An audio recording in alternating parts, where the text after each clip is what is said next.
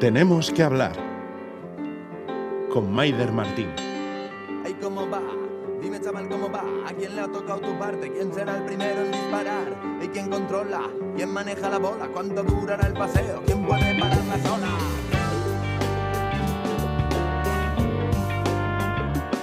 Hola, ¿Qué, ¿Cómo lo llevan? Nosotras tenemos la máquina de palabras a tope. Queremos hablar y compartir con ustedes un montón de vidas muy vividas, en este caso, y a pesar de esto, invisibles o invisibilizadas. Vidas que han tenido que dejar atrás sus países para buscársela en otros sitios, como ya lo hizo alguien de nuestra familia en algún punto vital de nuestra intrahistoria. Desde los nómadas que fuimos hasta hoy, hemos sido exilio y nos preguntamos, ¿Sabemos ser hogar, ser casa para los que ahora vienen de lejos?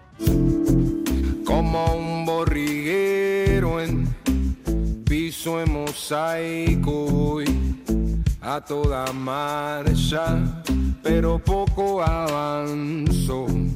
Desde aquí abajo se escucha más el bajo, ya no puedo ir más para abajo, así que me levanto y voy anotando lo que la vida poco a poco me ha ido dictando.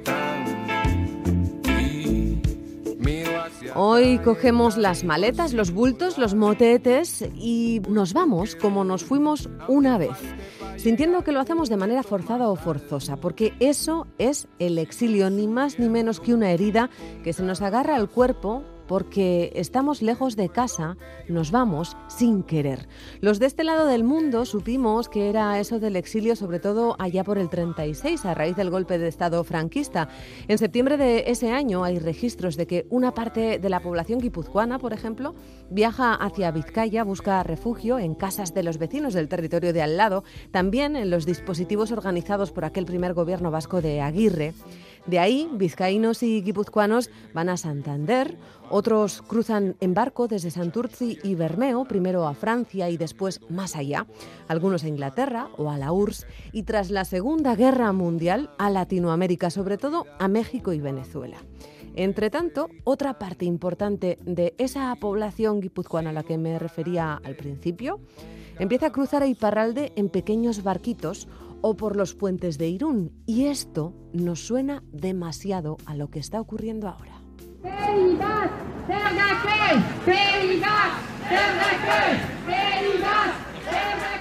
Hoy, siglo XXI, el río Vidasoa sigue siendo lo que les decía, una herida, una frontera. Para quienes en este caso llegan desde Guinea Conakry, Costa de Marfil, Malí, Senegal y quieren seguir ruta llegar hasta los países del norte. Llevan años de viaje, así que ni el Vidasoa ni los gendarmes les van a detener.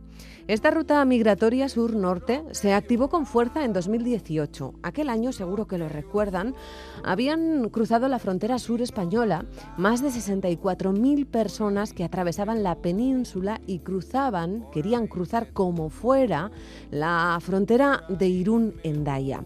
Francia redobló entonces el control fronterizo sobre pretexto de lucha antiterrorista y ahora bajo el pretexto del COVID-19. Pero estos hombres y mujeres del sur siguen intentando cruzar, como ya lo hicimos nosotras con los primeros estallidos de la guerra civil. Así que lo primero que les propongo en este viaje es buscar quiénes fuimos, cómo vivimos nosotros el exilio y documentándome me he encontrado con una mujer que no conocía y que tiene un historión. Una mujer que en la guerra civil fue reportera de la CNT. Era de Tolosa y es muy poco conocida. Se llama Cecilia Guilarte. Ella acabó exiliada en México. Pero vamos por partes, no me quiero adelantar. Vamos a conocerla bien de la mano de su hija, Ana María Ruiz Guilarte. Hola Ana María, ¿cómo estás? Muy bien, muchas gracias. Bueno, bienvenida Tenemos que hablar. ¿eh? Es, es un placer conocerte porque además nos vas a presentar a tu ama. Ella es Cecilia Aguilarte, fue reportera de la CNT. ¿Cómo se hace periodista? Pues creo que nació escritora y periodista porque desde muy pequeña siempre dijo que ella quería ser escritora y bueno, pues al final lo consiguió. Eh, empezó desde muy joven, desde los 17 años, ya ganó un concurso de, de unos artículos en, en un periódico canario. Mm. O sea que ya desde pequeña quería ser eh, escritora. Y Ella luego era de vida- Tolosa y envía esos artículos a un periódico canario. Sí, sí, a un concurso. Sí, sí. Sí, sobre las luchas obreras en Italia, fíjate. Toma ya. Eh, y bien joven, con 18 un poquito más, se va a Madrid a escribir en La Estampa. Eh, sí, sí, sí. Ahí sí. queda eso, ¿eh? que era uno de los periódicos más vendidos de la época. Exactamente, sí, sí, muy importante. Trabajaba ahí Pedro Baroja, entre otros muchos. Todavía no había estallado la, la guerra civil. ¿Qué año corría? En el 35. Ujú, En el 35. ¿Cuánto tiempo Sí. está trabajando para La Estampa? Pues mira, estuve en- trabajando en Estampa y en Ahora, de. Madrid también. Ya, sí. Eh, pues claro, ahí depende, eh, los artículos salían, no eran, no sé cuánto estuvo, la verdad, porque se vino ya en vísperas de que estallara la guerra y cuánto tiempo, la verdad es que ya me cuesta a mí encontrar a veces datos de esto. Pero recuerdas artículos suyos, los tienes por ahí. Sí, sí, sí, tengo por aquí, sí. Además hay un libro publicado sobre lo que ella escribió antes de la guerra, porque tiene tres novelas también escritas, tres novelitas, Antes de la guerra. antes de la guerra, sí. ¿Cuántos años tenía por aquel entonces? Pues las eh, novelitas se publicaron en el 35, Ujú. En el o 35. sea que pues eh, nació pues 20 años, 20 años, sí. Y nos decías que, mm, que tu ama, Cecilia Aguilarte, regresa a Tolosa, porque ella era tolosarra, antes de que estalle la guerra civil y por ella. ¿Por qué Eh, vuelve? Pues mira, ella ya escribió unos artículos en La Voz de España sobre es la preguerra que ella estuvo viviendo, ya era, ya vino a, a su casa, a su casa, pues en vísperas de, de que estallara la guerra. Y se vino por eso. Sí. Ella ya motivo- estaba afiliada a la CNT. Mm, Yo, pues no sé si afiliada. Mi abuelo, su padre y sus hermanos, sí. Ella no te aseguro yo que estaba afiliada, pero sí que escribió para todos los, eh, para los eh, periódicos anarquistas, para varios. De hecho, eh, en plena guerra, ella entrevista a los milicianos desde las trincheras, porque como reportera de la CNT recorre toda la cornisa cantábrica, desde Irún hasta Asturias, en este caso. Eso es, sí, sí, sí. Son 17 artículos, empieza en Irún y termina en Sabadell. Ella tenía la posibilidad de utilizar el coche del, del disciplinario, donde era comandante mi padre, y podía ir a las trincheras, sí. ¿Qué, qué artículos hace?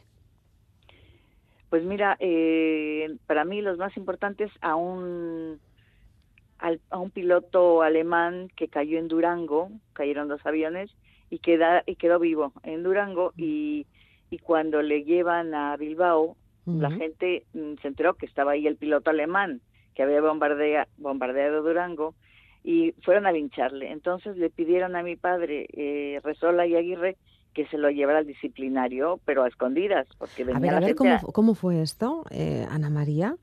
Eh, tu madre pudo entrevistar Sí, a uno de este los piloto. pilotos alemanes que bombardearon Durango. Sí, sí, está publicado el artículo además de la entrevista, sí, sí.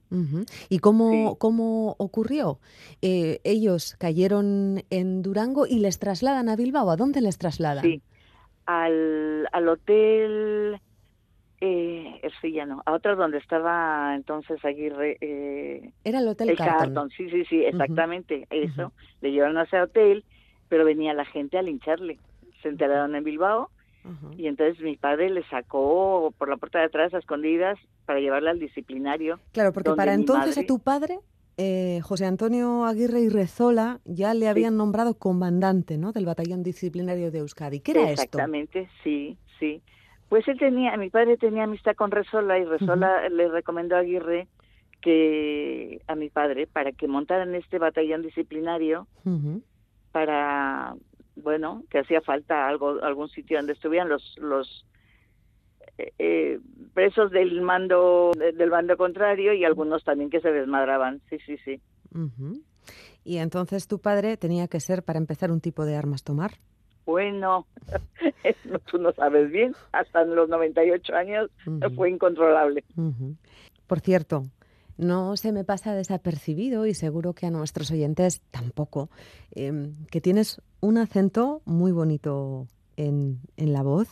Tú vives en Tolosa, pero no naciste allí porque tus padres tuvieron que exiliarse ¿no? por motivos políticos y cuando estalla la guerra civil, bueno, pasados eh, unos años después de, de, esta. ¿Cuándo ocurre ese exilio y hasta dónde van? Aunque tu acento ya nos recuerda un poco a rancheras, ¿eh? Sí. Pues sí, mis padres, al terminar la guerra, mi padre estaba reclamado uh -huh. y mi madre seguramente si se hubiera quedado aquí al ser reportera de la CNT también habría tenido consecuencias. Así es que te, al terminar la guerra salieron por, por Pucherdá uh -huh. y fueron a, a, de ahí fueron a Biarritz, que mi padre le ingresaron en el hospital de La Rochelle. ¿Por qué? Porque estaba herido, estaba herido. Uh -huh. Y claro, mi, había nacido ya mi hermana mayor en Sabadell. O sea que salieron con una niña muy pequeñita eh, por Pucherdá y de ahí fueron a Biarritz y de Biarritz a Narbona. Y ya les expulsaron porque entraban los alemanes el alcalde no, te, no quería tener responsabilidades y francamente le expulsaron de Francia, se embarcaron en el Cuba rumbo a México uh -huh. en el 40. Eh, pero antes vamos a pararnos primero en, sí. en Francia. Bien. ¿Y cómo eran acogidos en Francia estos, estos exiliados eh, españoles? Pues francamente muy mal, francamente muy mal, porque si lees si lees el, las historias de los exiliados, ha sido tremendamente mal, porque han estado en campos de concentración, pero de hambre, de frío, muy mal, muy mal. Yo, que continuamente estoy estudiando esto, uh -huh. han sido, y gente conocida que está en, en, en, los campos de refugiados han estado muy mal, muy mal. Y las poquitas cosas que llevan las han tenido que vender para cambiarlos, cambiarlas por pan, han estado muy mal. Lo que pasa es que mi padre, al ser comandante, pues tuvo ese privilegio de no estar en un campo de concentración, porque estaba en el hospital herido. ¿Y tú cuando ves esos campos de refugiados ahora en los teleberries, en los telediarios, qué sientes? ¿Te recuerda un poco a eso? Pues mucha tristeza, mucha tristeza, porque no tendríamos que olvidarnos que, que los españoles estuvieron en campos de refugiados y mal, mal. Yo soy de una asociación eh, Amaica Vida el Cartea, donde sí. se está recordando continuamente el exilio. Uh -huh.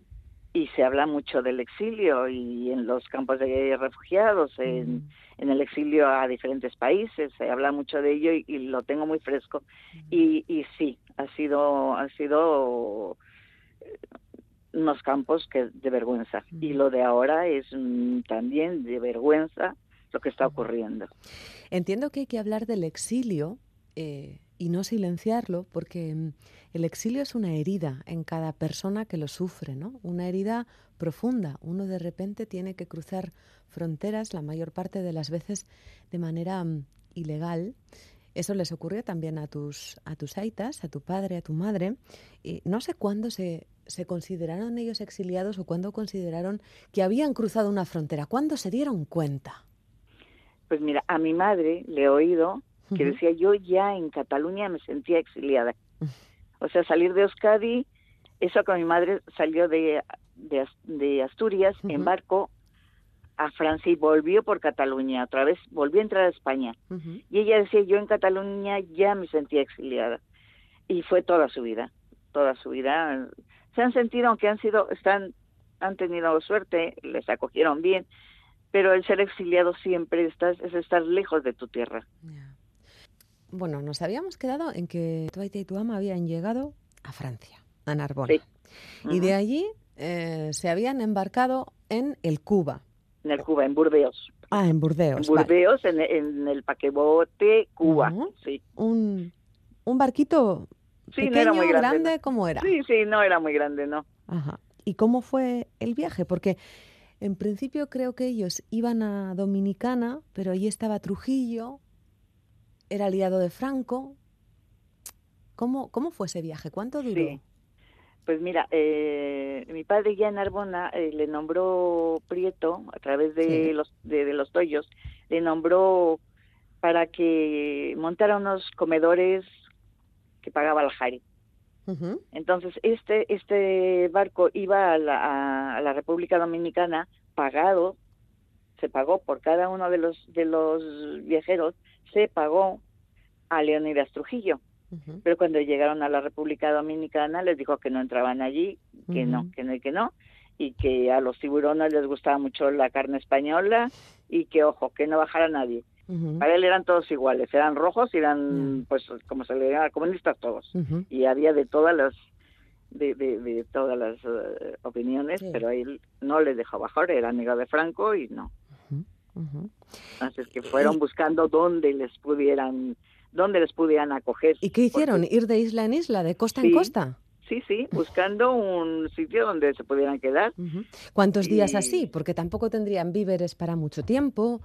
No, eh, estuvieron 45 días, pero fíjate, los gobiernos de estas islas no, no fueron los que les ayudaron, fueron los nativos que les llevaban mm, eh, fruta y agua y lo que podían buenamente ellos, porque tampoco eran cosas ¿De qué islas? de, de, de las islas de Cercanas a de las Dominicana. Martinicas, Ajá. de las sí, sí, sí, eh, de las islas que iban tocando, sí. Y estaban esperando a que el resultado de las elecciones en México fuera favorable a los refugiados españoles, porque había dos candidatos y uno era favorable y el otro no. Eh, terminaba Lázaro Cárdenas, que era un amigo de la República, y este es- que alemán, creo que era alemán, el que ganó las elecciones, que era amigo Ujú. de los refugiados también, era partidario de recibir a los refugiados. Mm, Porque Entonces Lázaro ganaron- Cárdenas fue muy conocido aquí por Sí. abrir sus fronteras y dar eh, asilo en México a exiliados políticos, bueno, pues a muchísimos. ¿no? Así fue el, el telegrama que les mandó. Ujú, En México les espera con los brazos abiertos. ujú, Ganó el partidario de Lázaro Cárdenas, sí. Y, y Lázaro Cárdenas mandó mucha comida, garbanzos y muchas cosas mandó a España durante la República, durante la guerra. Durante la guerra, Lázaro Cárdenas eh, le adoran porque así les ha portado muy bien.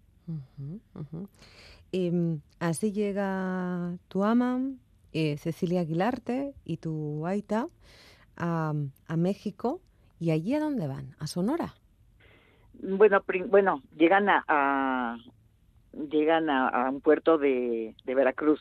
Están ahí en un almacén de frutas un tiempo hasta que ya van a- en tren hasta México DF. ujú, Y ahí en México DF, eh, al bajar del tren ya sabían que iba una escritora, entonces le contrataron para, para escribir en un periódico, Horizonte. Y ahí ya empezó a escribir en varias revistas, eh, dirigía un programa de radio, era del era socia cultural del Ateneo Español en México, en fin, se movía ya entre unas, entre los intelectuales mexicanos y escribía y eso. Mi padre le costó más encontrar trabajo, vendía camisas, mm, en fin, intentó, intentó varios negocios, no tuvo suerte hasta que la Comisión Nacional del Olivo eh, primero Lázaro Cárdenas, Cárdenas le mandó a, le mandó al desierto de Sonora, al desierto de Altar, ¿A en qué? Sonora. Y ahí es donde se plantó olivos y vides. Ajá. Sí, ¿Qué tal fue eso? muy bu- bueno. Ahora veo yo por los eh, por los vídeos que mandan está en plena producción el olivo, por lo menos. eh, han hecho, han montado una refinería de aceite, aceite y barra se llama, y en plena producción, estupendos, estupendos. Los vídeos ya no sé muy seguro. Y ya nos quedamos en Sonora. ¿Y, y, y cuándo eh, deciden tus padres regresar y por qué? Sí. Bueno, mi padre siempre ha sido de todos, de todos en general, volver, volver. Quería volver. Sí, todos, todos querían volver a su Tu tierra. ama Era también. difícil. Sí, sí, mi madre mucho también. más que nadie. No, no, mi madre. Se casó mi hermana mayor y entonces ya dijo, mm, si se casan las otras dos hijas, no vuelvo. Porque ahí, si se casan los hijos, tienen nietos, ya no vuelves. Porque ya es tu familia que se ha formado en México Sí. y ya no vuelves. Entonces dijo mi, mi madre, eh, si no vuelvo ahora, ya no voy a volver. Sus padres vivían, que es muy importante eso para la, para el exiliado es muy importante que sus padres estén vivos. Ya cuando Ya, cuando no están, ya es otra cosa. y, los padres de mi madre vivían aún y ya tenía muchas ganas de verles. Así es que ya un, mandó a mí primero. Yo vine en las navidades del 61 y ella pensaba en unos meses voy a España y me reúno con mi hija pequeña, que soy yo. Pero resulta que al pedir permiso para entrar en España, no le dejaban entrar. Y estuvo dos años pidiendo permiso. Y claro, yo podía haber vuelto, pero ella pensaba el mes que viene me, me, dan permiso para entrar en España el, mes que viene y así pasaron dos años. Y no le dejaban volver a España, no le dejaban. O sea que, mm, pues por eso tardó esos dos años que ella tenía planeado volver antes. ¿Y tú cuando, cuando vuelves tienes ya más o menos 16 años? Sí. ¿Cuándo vuelves qué? ¿Tú de dónde eres? ¿Vuelves a Tolosa? Yo, vuelvo a Tolosa, yo soy un bicho totalmente raro porque era la única extranjera que había en, que había en, Tolosa, la única. Ya. O sea que yo era, bueno, un bicho raro, raro, sí. Y bueno, yo la verdad es que mm, me recibieron con mucho cariño y estuve bien, estuve bien. Simplemente que te digo la verdad que en el año 61 España era muy triste, muy triste, muy triste. Era, era muy, estaba muy atrasada. Em, y claro, ¿tú de dónde te consideras ahora? mi corazón está en México, pero yo me siento vasca porque ya, sería ya sería muy muy desagradecida no sentirme vasca. Sí, pero mi corazón está en México. Eso no lo puedes evitar porque como los exiliados que se van, que se fueron a España, siempre fueron españoles y no y hablan igual que los españoles, no te creas que han cambiado, ¿eh? Ellos no, no hablan como los mexicanos, aunque mi padre que vino después de 54 años de exilio, parecía que nunca había salido de aquí. Claro. Y ahora cuando tú ves eh, a las personas eh, que cruzan la frontera y que, y que se juegan la vida, eh, no sé, pues por ejemplo en Irún, ¿qué sientes? Mucho dolor, mucho dolor. Me digo, esta pobre gente que deja todo para venir a, a, aunque no sea más que para, para comer y para mandar algo a su casa o que están amenazados o que hay mucho dolor. Se nos ha olvidado que hemos pasado por ese trance. Es un placer eh, escucharte. Es un placer escucharte porque hablas con mucha cabeza y con mucho corazón. Y además, y quizás sobre todo, porque mm, nos eh, has puesto luz sobre tu ama, Cecilia Aguilarte, una gran reportera.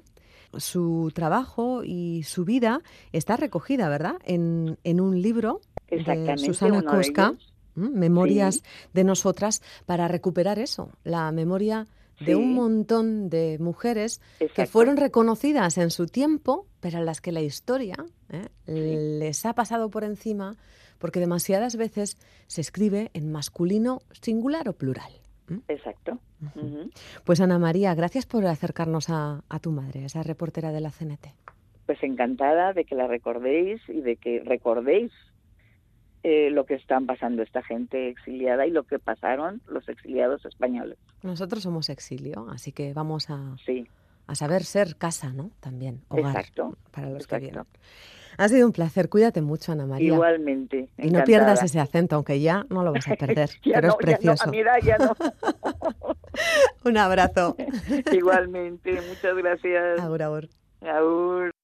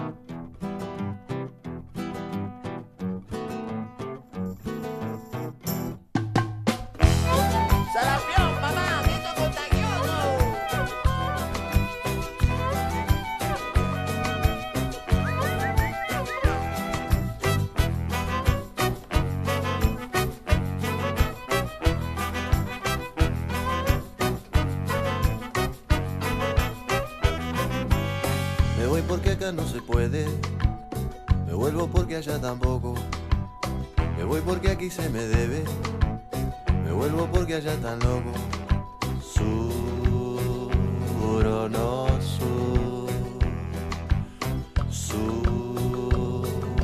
no sur. Me voy porque aquí no me alcanza. Me vuelvo porque no hay esperanza. Pues pensando y repensando en que nosotras fuimos Cecilia en Sonora, nos vienen a la cabeza los hombres y las mujeres para los que no estamos sabiendo ser casa, los del sur, los migrados, las migradas, las migrantes. Así que les propongo que nos vayamos a la frontera que más nos duele en este momento, la de Irún. Nos vamos al puente de Santiago, al Vidasoa. Desde abril son ya siete los migrantes que han muerto intentando cruzar este río, el último la semana pasada. Les propongo hablar ahora con Josune Mendiguchía. Ella es de Irungo Arrera Sarea. Eh, esta asociación da cobertura a los migrantes en tránsito. Nos atiende además desde su oficina. Eso nos lo decía por teléfono con Sorna. Ahora van a ver por qué. En Irún Sarea están desbordados. Durante la última semana de octubre, por ejemplo, llegaron a atender en un solo día a 110 personas. Hola Yosune, ¿cómo estás? Pues aquí estamos trabajando. En lo que tú dices así con Sorna, la oficina. La oficina es una plaza de Irún, ¿no? Sí, la oficina es la Plaza San Juan, enfrente del ayuntamiento, en la calle. ¿Qué es lo que hacéis ahí? Pues bueno, hacemos lo que llamamos la acogida, ¿eh? les damos la, información que necesitan para eh, seguir su camino eh, en cuanto a cuáles son los lugares por donde pueden cruzar y, bueno y un poco la situación que pueden encontrar en Europa en cuanto a temas legales, pues de, petición de asilo y esas cosas, ¿sabes? ¿A quiénes atendéis? ¿A quiénes atendemos? Pues mira, ahora mismo estamos atendiendo a 1, 2, 3, 4, 5, 6, 7, 10, 11, a 12 subsaharianos. ¿Cuándo llegaron a Irún? Pues estos han llegado algunos esta mañana y, otros son de llegadas de ayer. Ahora que dices llegadas de ayer, y, mm, tú vas a recogerles también a la estación de autobús de Irún, ¿no? Sí, sí, bueno, tenemos eh, en el grupo tenemos varios pequeños grupos, uno de ellos es Gaucholi, que todas las noches pues va a la estación a, recogerles y a acompañarles a, al dispositivo de Cruz Roja que está como a tres kilómetros de la estación, ¿sabes? Y bueno, estamos en invierno, llueve, hace frío y esas cosas. Son gente que han salido de África hace dos, tres años, que han tenido un viaje bastante... Eh, bueno, os podéis hacer una idea, ¿no? De qué viaje han tenido. Han cruzado el desierto, han cruzado, han estado en Marruecos, han, han cruzado el Atlántico, han puesto su, su vida en riesgo 300 veces y bueno, acaban viniendo a Irún porque evidentemente eh, su objetivo es ir a Francia, porque es que son colonias francesas, ellos hablan francés y por lo tanto su, su destino es, es Francia. ¿Cómo llegan eh, de estado de ánimo, no?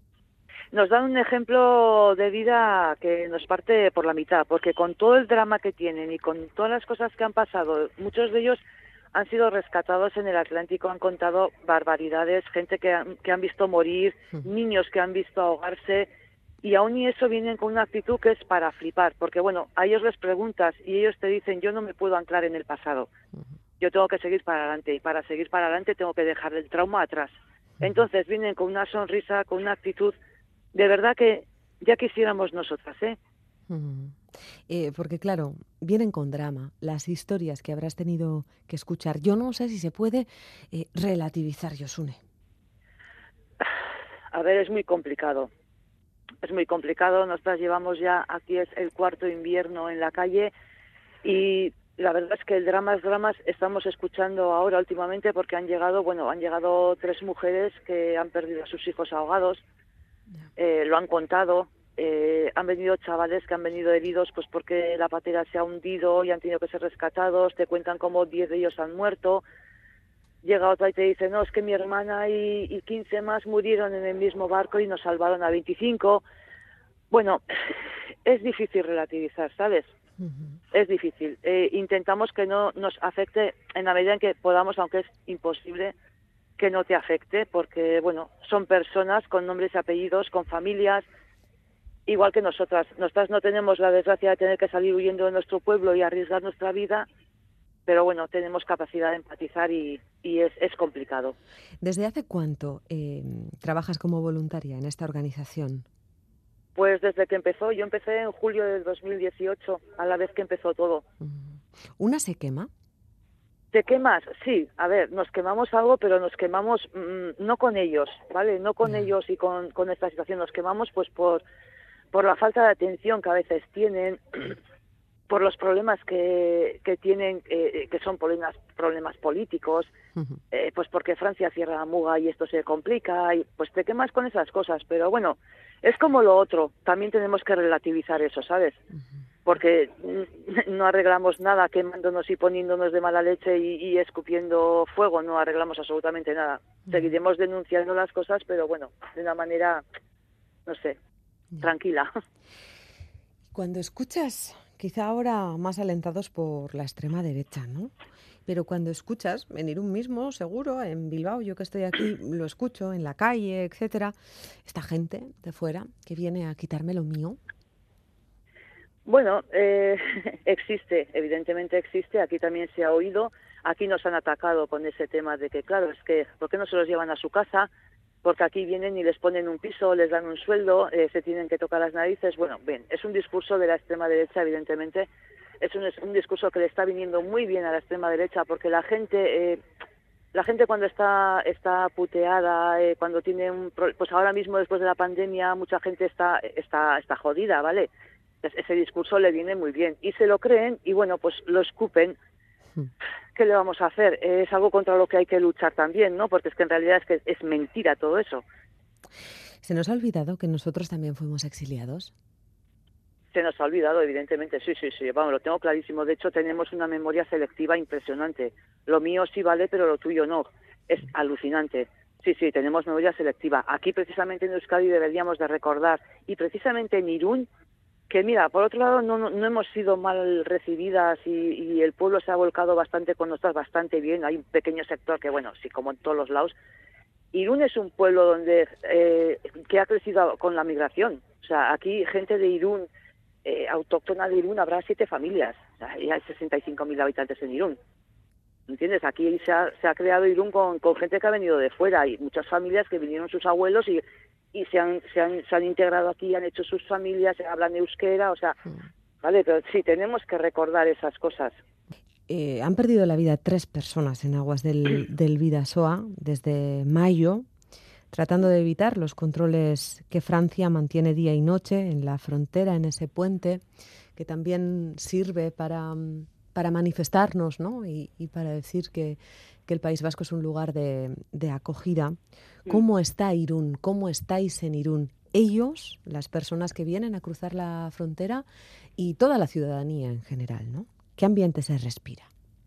Bien, la gente responde y bueno, a la gente le parece que, que, que es una burrada que ocurra esto. En realidad es una barbaridad. Es una barbaridad que una persona que ha salido de África, que ha cruzado el desierto, que las ha pasado canutas, que, que, que, le, han, que le han vendido como esclavo, o sea, que, que ha tenido mil historias en su viaje, que ha cruzado el Atlántico, que ha visto morir a sus amigos, ha salvado su vida y ha llegado a Irún y se ahoga en Irún. Es una barbaridad. Y aquí, en, en esto, pues si hay que incidir en que Francia cierra la frontera, es verdad que es Francia, es Europa quien blinda, nos blinda, que no sé quién la ha mandado, en mi nombre desde luego que no lo hagan, pero bueno, es Francia quien cierra la frontera, pero luego está otro caso que es en Irún, que es donde los chavales se quedan, donde el dispositivo que gestiona Cruz Roja les amenaza con que os vais a quedar en la calle después de tres noches. Son chavales que han intentado cruzar la frontera cinco, seis, siete veces en un día.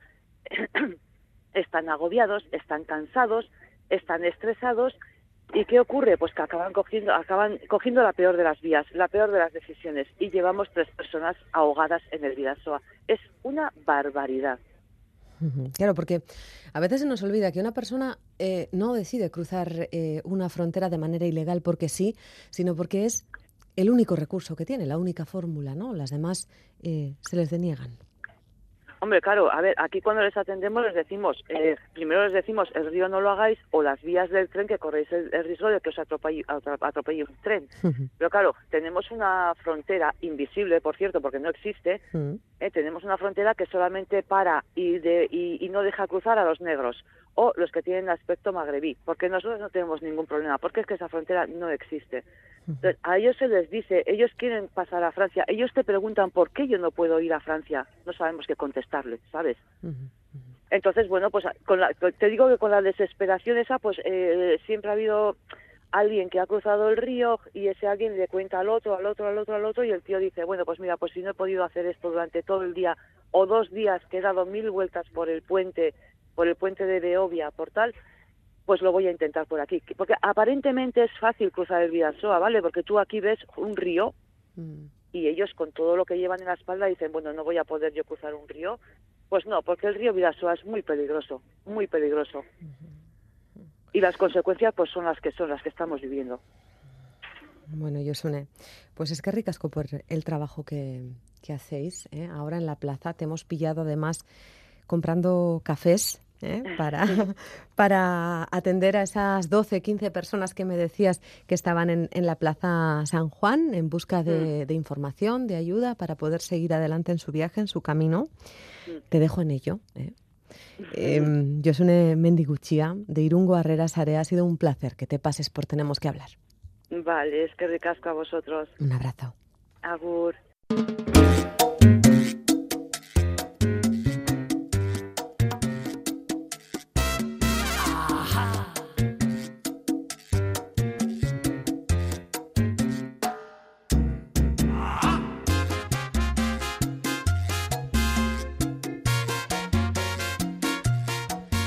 Pues así hemos llegado al final, familiares y amigas, esto se acaba y nos pilla con tanto que decir y desdecir.